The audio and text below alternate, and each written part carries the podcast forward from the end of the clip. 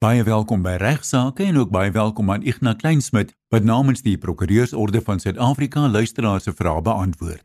In deel 1 van vandag se Regsake klink hierdie name dalk vir jou bekend. 'n Hofsaak tussen Derek Hanekom en Jacob Zuma.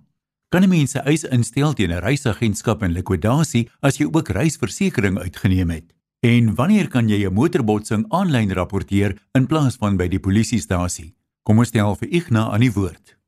Luisteraars, ek uh, rapporteer graag ook oor 'n saak wat ek weet baie groot aandag in die pers geniet het en wat vir ons luisteraars waarskynlik ook van belang sal wees en wat hulle nuuskierig sal wees en hoor wat die uiteinde hiervan was. En dit is naamlik die saak tussen Dirk Hanekom en Jacob Zuma. Nou Jacob uh, Zuma het na bewering uh, vir Dirk Hanekom op 25 Julie verlede jaar getweet dat Hanekom en ek haal aan 'n agent van die vyand is.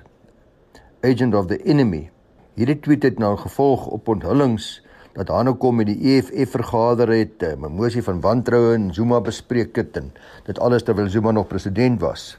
Nou ja, Hanekom het aanstoot geneem teen hierdie bewering dat hy agent van die vyand is en uh hy het toe besluit om hom te dagvaar vir laster en uh, die bedrag waarvoor hy hom gelas uh, waar, waarvoor hy hom gedagvaar is was net was 500 000 rand en hy het ook 'n uh, skriftelike verskoning van Zuma geëis. Die Hooggeregshof daar in Natal het uh, in September verlede jaar toe vir Zuma beveel om verskoning te vra vir hierdie tweet en terselfdertyd het die hof ook verder gegaan en gesê Zuma mag nooit ooit weer soortgelyke stellings publiseer nie.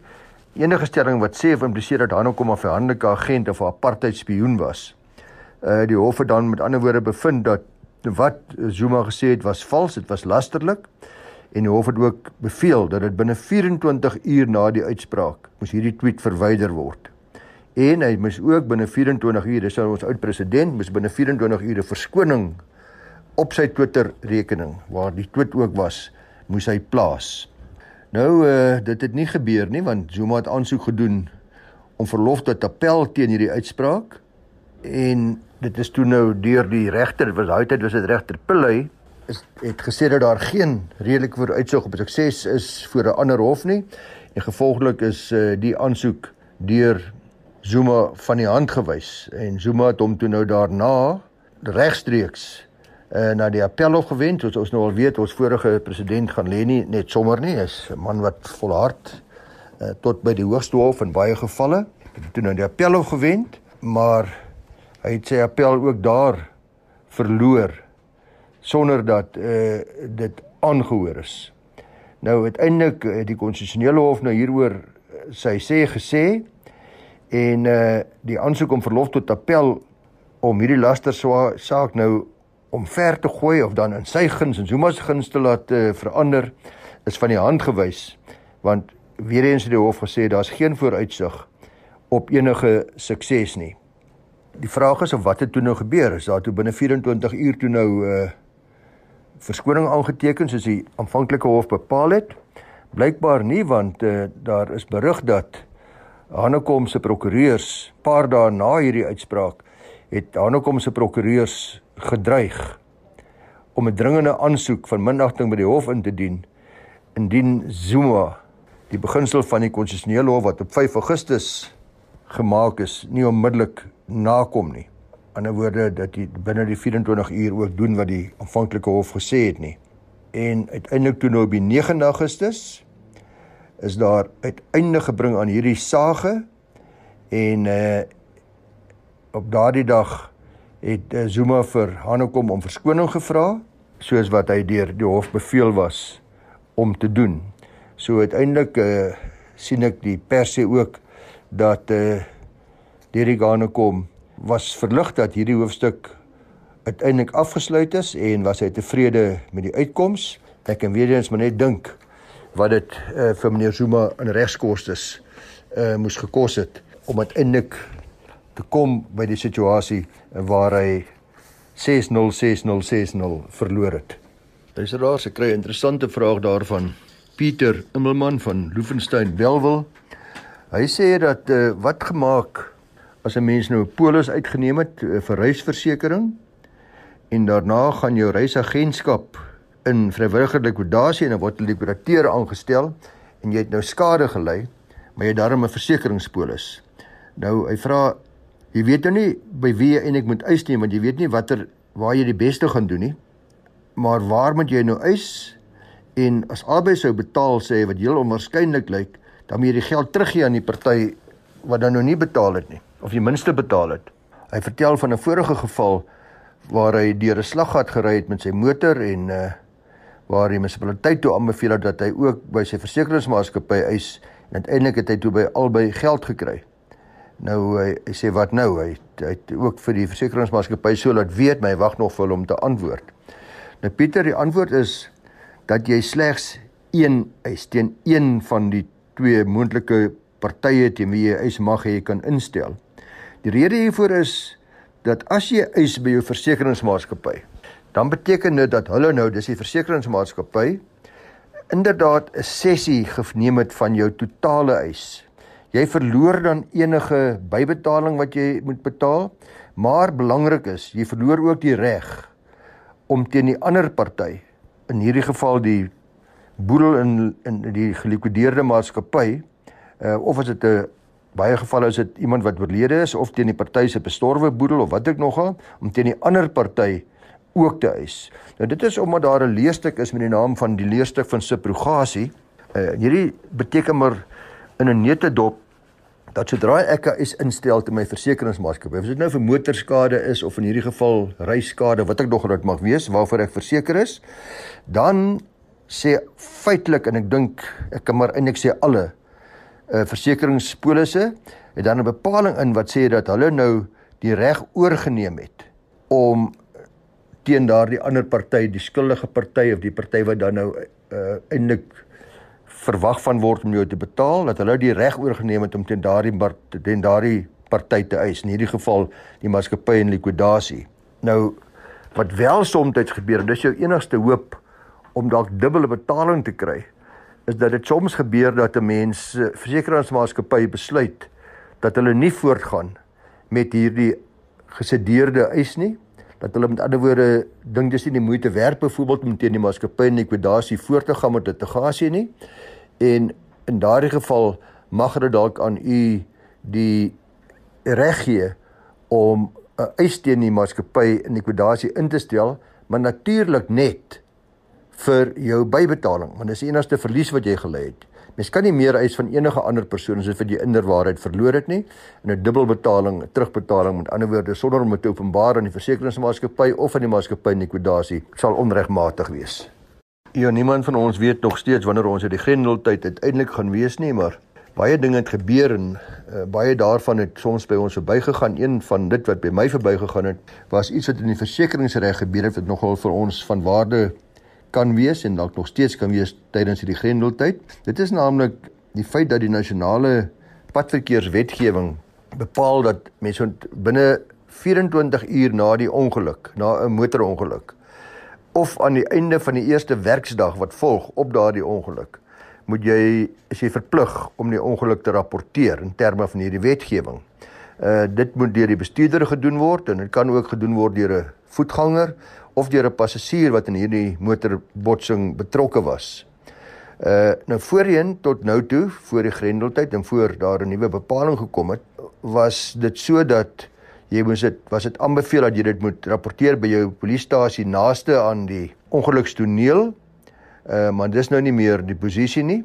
En met die uh implementering van die grendeltyd is daar toe nou 'n nuwe bepaling uitgevaardig deur die padverkeersveiligheidstelsel wat hulle sê dat hulle het nou 'n aanlyn plek daar gestel wat dit vir ons moontlik maak vir almal wat betrokke is in 'n motorbotsing om nou 'n verslag te leeseer en ook 'n motorongeluk verslag te kry gratis by hierdie aanlyn portaal. Nou om so 'n motorbotsing dan nou aanlyn te rapporteer moet daar egter aan sekere vereistes voldoen word. Eerstens moet daardie mense wat betrokke was by hierdie ongeluk uh, moes nie beseer gewees het of daar moes nie 'n sterfgeval gewees het as gevolg van die ongeluk nie, dan kan mense dit nie aanlyn rapporteer nie. Uh dit sluit ook in 'n sogenaamde ongeluk waar dit 'n hit and run is. Met ander woorde, jy daar word weggejaag na die na die besering of na die ongeluk. En tweedens, uh die ongeluk moes minder as 5 motors behels het, ingesluit het, uh voor jy aanlyn kan rapporteer. Anderste is dit in ander woorde ongeluk was met meer as 5 motors of 'n ongeluk was waar iemand weggejaag het, dan moet jy nog steeds by die polisiestasie gaan rapporteer. Nou natuurlik is baie vinniger, is baie minder moeite. Dit dit maak dit ook vir die polisiestasies uh baie makliker en uiteindelik dink ek is dit gedoen met die oog op uh gesondheidsoorwegings en die grendeltyd en uh opeenhoping van mense by polisiestasies in hierdie tye van uh COVID-19. Uh maar ek hoop en ek dink uh, baie ander sal saamstem dat daar eintlik nie rede is waarom dit nie daarna ook moontlik gemaak moet word na die grendeltyd. So hou maar hierdie spasie, kom ons hou maar hierdie spasie dop en uh, as ek iets uh, opspoor uh, na die grendeltyd sal ek weer vir julle laat weet of dit nog steeds moontlik is en miskien kan die luisteraars se gawe wees om my ook te laat weet as hulle vasstel of dit dalk uh, verleng is na die grendeltyd. Nou waar u kan gaan aanlyn uh, om dit te doen is https dan die dubbelstrepe online natus n a t u s .gov.za streep crash en dan is daar nou online crash report.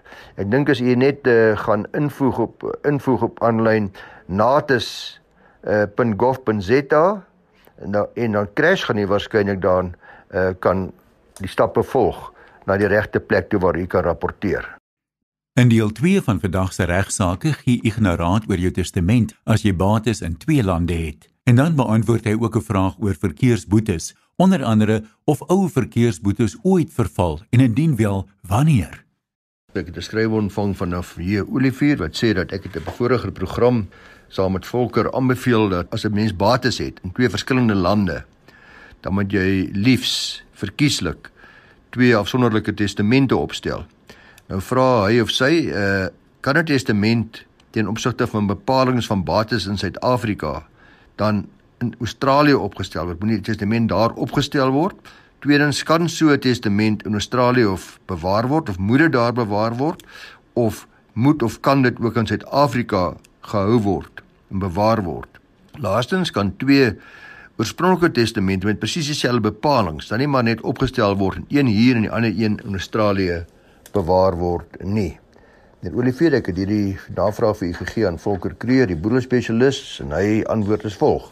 Hy sê daar's geen voorskrifte in ons reg ten opsigte van ware testament in veilige bewaring gehou moet word nie. So 'n testament kan dus soos wat u vra in Australië opgestel word, daar verlei word en ook daar in veilige bewaring gehou word sodat dit beter pas. Uh, wanneer die erflater dan tot sterwe kom, sal daardie testament dan na Suid-Afrika gestuur word om dan hier by die meester ingedien te word hier waar die opsteller gesterf het vir die bereddering van die Suid-Afrikaanse bates en die bereddering van die Suid-Afrikaanse boedel. Maar 'n erflater sou ook twee testamente met dieselfde inhoud kon teken sodat daar twee oorspronklike testamente is aan die as die een dan vir die ene van 'n rede verlore raak, kan die ander een natuurlik gebruik word. Maar as albei oorspronklik is beskikbaar is, sal die een wat die laaste geteken is natuurlik tegnies die geldige een wees en die een wat eerste geteken is dan beskou word as 'n roep. Dit mag dus moeilik wees om te bepaal wat een is laaste geteken as hulle nou op dieselfde dag geteken is, maar omdat hulle presies dieselfde inhoud het, uh, sou mense dink dat geen haan ooit daarna sal kraai nie. So prokureurs bewaar gewoonlik luisteraars die testament wat hulle opstel en laat teken het in 'n brandvaste kluis. Die oorspronklike testament behoort dus daar veilig te wees.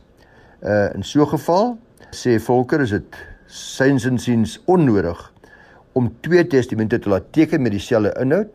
Maar weer eens, niks verhoed die luisteraar of ander luisteraars om 'n oorspronklike testament in Australië en hier in Suid-Afrika te bewaar nie. Belangrikheid is maar net weer eens om uh, te beklemtoon dat 'n testament liefs deur 'n deskundige opgestel moet word. Met ander woorde, moenie probeer myself 'n testament aan mekaar te timmer nie. Al glo u u 'n goeie voorbeeld te mee te werk Swak opgestelde testamente kan verrykende gevolge hê in die vorm van belastingimplikasies, spanning en dispute tussen familielede en selfs hofsaake tot gevolg hê. So om 'n lang storie kort te maak, nie vir geen werklike formele vereistes oor in watter land die testament opgestel word of waar dit bewaar word nie, maar ons herbevestig maar weer, is maar beter om twee testamente te hê, een wat handel met u bates in Australië en een wat handel met u bates in in Suid-Afrika en dit en albei plekke te bewaar waar u uh, erfgename weet waar om te vind. Ons het 'n interessante briefie gekry van Dominee Henny van Wyk. Hy sê hy het die afgelope 3 jaar se regsaake op potgooi afgelaai, maar hy het nie een kon kry waar daar oor verkeersboetes gepraat is nie. Nou ek het 'n paar jaar gelede dink ek met Dr. Llewellyn Corloos daaroor gesels op 'n regstreekse program, ek kan ongelukkig nie die datum onthou nie, Dominee van Wyk, maar hy vra die volgende vraag en ek het goed gedink om hierdie vraag weer eens te verwys na uh Dr. Llewellyn Corloos. Ek sien hy is nou ook professor en ek sien nadat hy paar maal op regsaake uh vir ons gehelp het is hy nou deesdae 'n baie bekende radio en TV persoonlikheid wat uh op uitstekende wyse altyd vra beantwoord. Dan uh Henny van Wyk vra die volgende. Hy sê is daar 'n verjaarsdag tydperk op verkeersboetes? Hy sê hier in Bloemhof en Christiana het hulle dikwels 'n padblokkade. Hulle kyk dan in die voertuig se nommerplaat, kyk waar uitstaande boetes is, druk dan 'n papier uit wat bloot die datum van die oortreding en soms 2 tot 3 jaar terug bevat en die plek meestal bloot byvoorbeeld N12 naby Bloemhof uh, as ook die bedrag van die boete bevat. Hulle wil dan se muur daar waar hulle jou nou voorkeer wil hulle betaling hê. Daar's geen oorspronklike dagvaarding of selfs enige aanduiding dat die dagvaarding inderdaad op jou of aan jou bestel is nie. Dan vra hy interessante vrae oor versteekte kameras. Hy sê ek neem aan dis wettig. Hoe verdedig jy jouself ten opsigte van die lesing op die kamera? Tweedens, hoe weet ek of dit wel byvoorbeeld 'n 100 km sone is. Byvoorbeeld as ek in die as ek uh, in die stad ry of in die buite die stad ry, wat presies sou die uh, sone wees, die spoedbeperking wees? Hoe weet ek wat dit is? Volgens, hoe weet ek of dit reg gemoniteer is?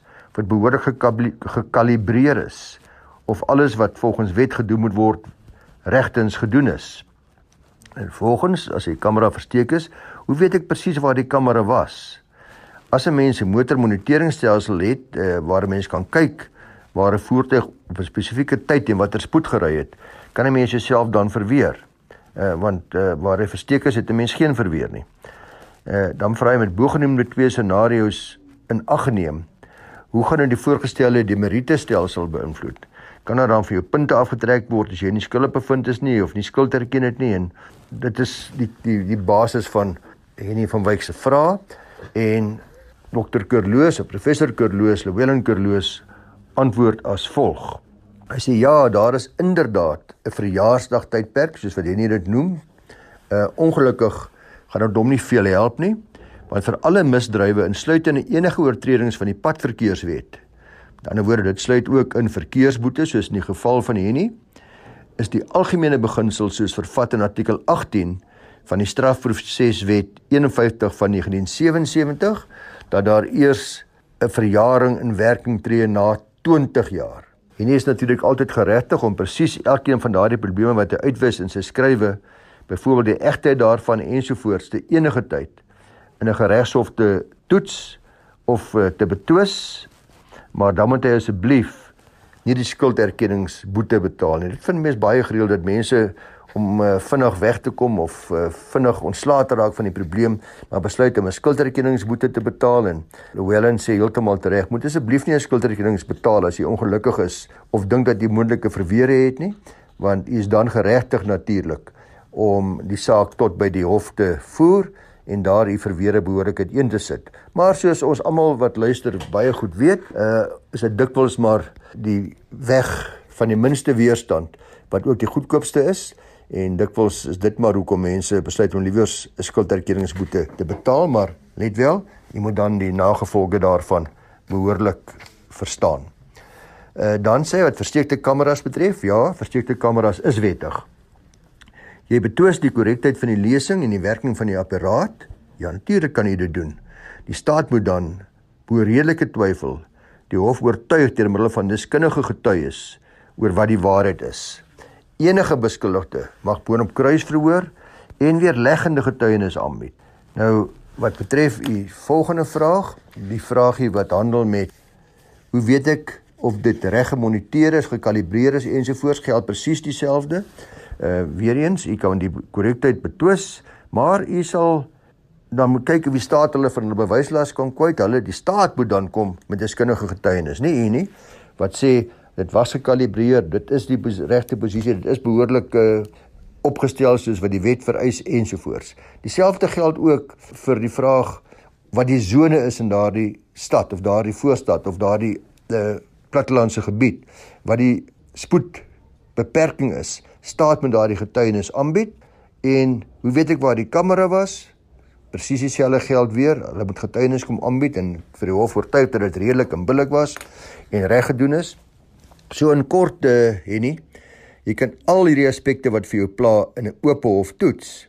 Om natuurlik nou op hierdie program vir u te sê deur my of deur uh, Llewellyn oor wat 'n hof gaan bevind in spesifieke omstandighede so moontlik behalwe om vir u te sê dat daar dikwels na 'n lang uitgerekte stryd en baie deskundige getuienis 'n onskuldige bevinding volg, maar uh die vraag wat jy moet afvra is of dit werklik die moeite werd is uh om al daardie tyd en ure en geld te spandeer uh om verweer te opper bloot omdat u onseker is of die regte prosedures gevolg is. Maar u's geregtig daarop. Dit dit is so. So jy moet self besluit of die geld, tyd en die moeite regverdig is. En ek is net soos Llewellyn glad nie oortuig daarvan dat dit in die meeste gevalle die moeite werd is nie. Dan sê Llewellyn ter afsluiting wat betrekking tot die voorgestelde demerite stelsel sê daar kan en sal nooit enige demerite punte afgetrek kan word in terme van die voorgestelde nuwe stelsel wat eintlik al lankal bestaan, maar uh die werkingtreding daarvan is maar 'n gesukkel. Daar sal nie punte afgetrek kan word natuurlik indien nie onskuldig bevind word nie, want dit sou natuurlik neerkom op 'n strafsanksie. Uh en dis uitsluitlik net vir oortreders bedoel. Onskuldige persone is presies dit. Onskuldig en behoort nie gestraf te word nie. So Dominee Henny, ek hoop dit het vir u en ook vir ander luisteraars 'n bietjie gehelp. Dis dan vandag se regsaake. Die program word goedgunstiglik moontlik gemaak deur die Prokureursorde van Suid-Afrika om luisteraars te bemagtig oor 'n wye spektrum van regskwessies. Hou asseblief in gedagte dat Ignas nie persoonlik by jou regsprobleme betrokke kan raak nie En natuurlik met honderde duisende luisteraars is dit net onmoontlik om almal te help, wat nog te sê gratis, so Ignas kan ongelukkig nie telefonies vir jou raad gee of skriftelik reageer op jou vraag nie. Ons gebruik juis jou vrae om in die algemeen te gesels oor die betrokke kwessie. Stuur jou vrae vir beantwoording direk na Ignas. Sy adres is igna@ffd.co.za. En onthou as jy nie maandag 11:30 na regsaake kan luister nie, elke program is ook beskikbaar as potgooi op RSG se webwerf rsg.co.za. Klik bo in die bladsy op potgooi, dan kan jy alfabeties afrol tot by regsaake of regsaake gebruik as soekwoord. Jy kan ook kies of jy op jou selfoon of op jou rekenaar weer na regsaake wil luister. Van my en Wessels, mooi loop tot volgende week.